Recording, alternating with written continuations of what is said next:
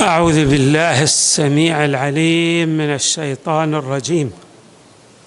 بسم الله الرحمن الرحيم والحمد لله رب العالمين والصلاة والسلام على أشرف الخلق سيدنا ونبينا محمد وآله أجمعين الطيبين الطاهرين. قال الله تعالى في القرآن الكريم ولا يحسبن الذين كفروا أنما نملي لهم خير لأنفسهم إنما نملي لهم ليزدادوا إثما ولهم عذاب مهين. صدق الله العلي العظيم.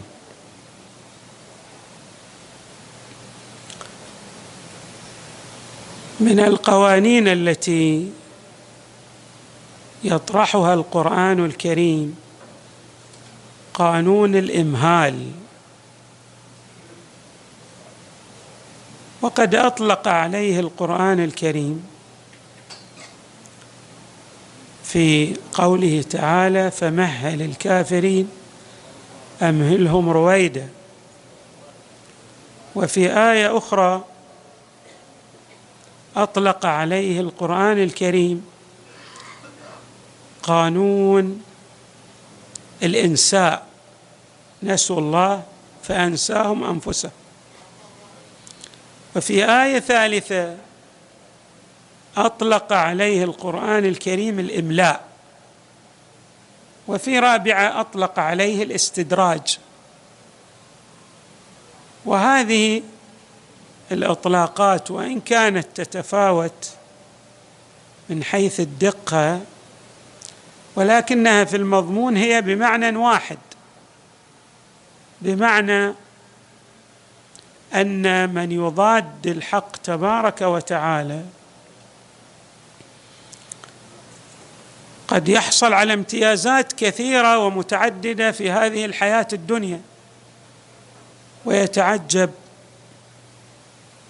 من يراه قد حصل على تلكم الامتيازات بالرغم من مضادته للحق.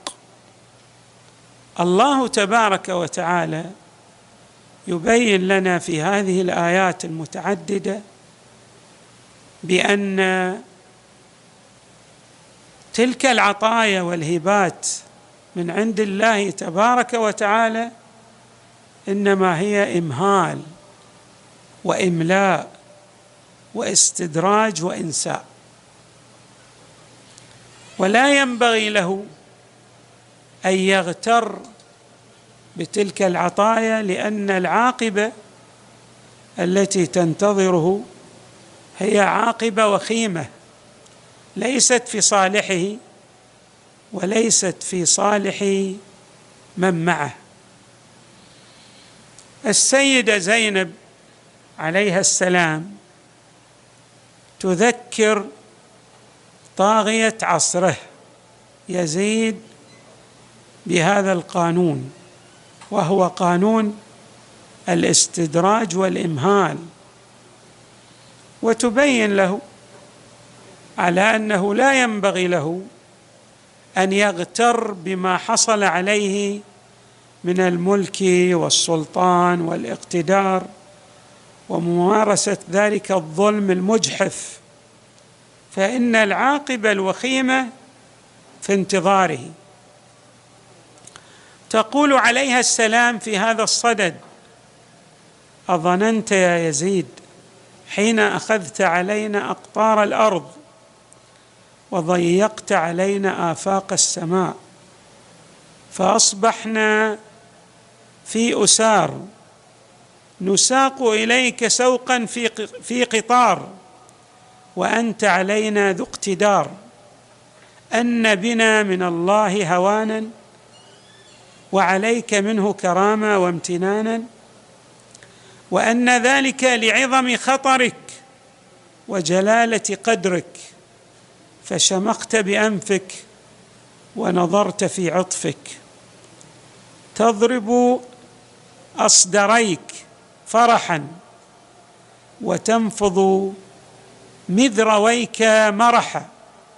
حين رأيت الدنيا لك مستوسقة والأمور لديك متسقة.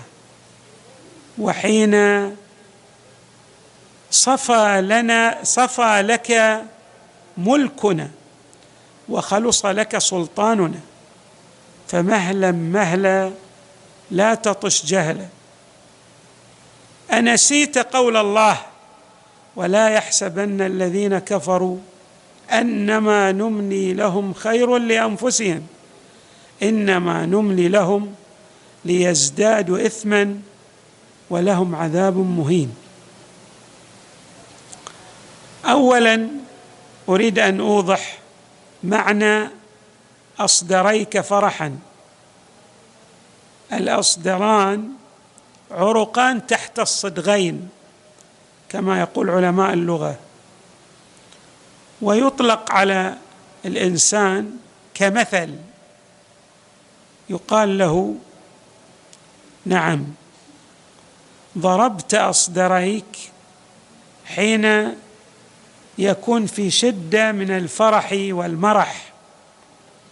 والإعجاب بالنفس أزاء ما حققه مثلا من انتصار على الطرف المقابل وإن كان هذا الانتصار ليس بسديد.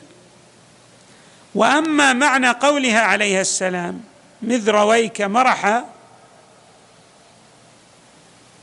فيدلل على البغي والتعدي والإجحاف في الظلم. ويكون هذا الظالم أيضا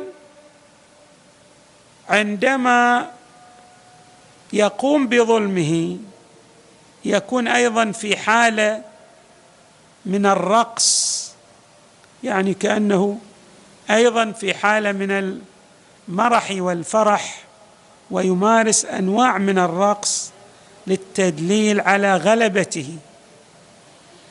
فاذا عرفنا معنى الأصدرين ومعنى أيضا ماذا؟ قولها أيضا مذرويك المذروين.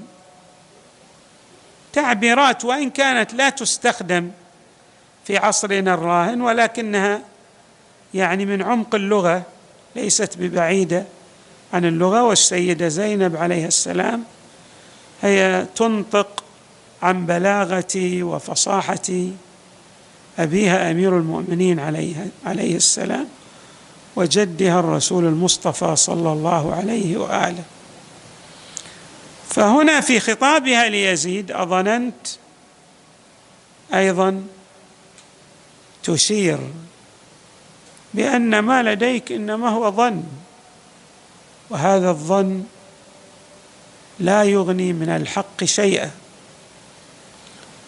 وحتى إن امتد ملكك وعظم سلطانك فأصبحت تتعامل مع خصمك وتسوقه سوق الاسارى في أقطار الأرض. فهذا لا يدلل على أن الخصم هو على هوان وأنك أيضا بهذا الإجحاف والظلم على كرامة من عند الله تبارك وتعالى. فليس هذا لجلاله قدرك وعظم خطرك فهذا الشموخ وهذا الادعاء هو ادعاء زائف ليس بحقيقة.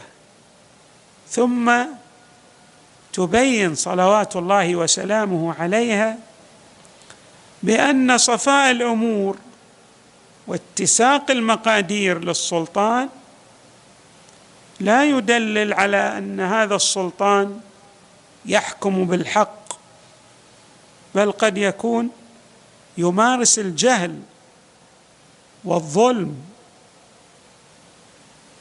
ولكن لحكمة من الحكم الإلهية الله يمده في طغيانه ليكون عبرة لغيره عندما يأخذه أخذ عزيز مقتدر. الآيات القرآنية التي وردت آيات متعددة وكثيرة. كما أن الروايات في مسألة الظلم والاستدراج أيضا هي روايات متعددة وكثيرة. من هذه الآيات قوله تعالى فذرهم في غمرتهم حتى حين أيحسبون ان ما نمدهم به من مال وبنين. نسارع لهم في الخيرات؟ بل لا يسعون أيضا قوله تعالى فذرني ومن يكذب بهذا الحديث سنستدرجهم من حيث لا يعلمون وأملي لهم إن كيدي متين. بمعنى أنه هو الكيد المحكم والقوي. وآيات متعددة وردت في هذا الشأن. وأما ما جاء من روايات في مسألة الإملاء والإمهال والاستدراج فايضا روايات متعددة. منها ما جاء عن إمامنا أمير المؤمنين ما ابتلى الله احدا بمثل الإملاء لأنه من المكر الخفي لله تبارك وتعالى. يظن هذا الظالم أنه ببطشه بظلمه بمكنته واقتداره أن الله تبارك وتعالى قد آتاه ذلك ومكنه من خصمه وأيضا له عند الله مكانة. ولا يعلم أن ذلك الظلم سينتهي بالوباء والوبال عليه. ويقول إمامنا الرضا عليه السلام عندما جاء له أحد الرواة وقال إن شخصا من أعدائه وهو يسيء إلى الإمام عليه السلام ولكن هذا المسيء للامام الرضا في أحسن أحواله من حيث الصحة والمال والجاه. فقال الراوي إني لاتعجب من ذلك. كيف يسيء إليك؟ وأنت حجة الله على الخلق وهو يرفل في النعيم.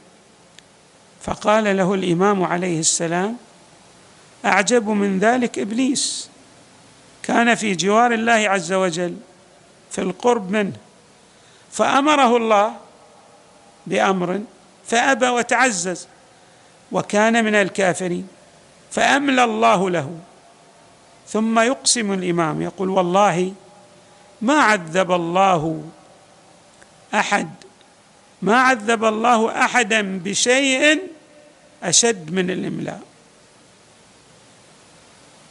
فاذا من اقسى أنواع العذاب والمكر الإلهي الخفي هو مسألة الإملاء والاستدراج.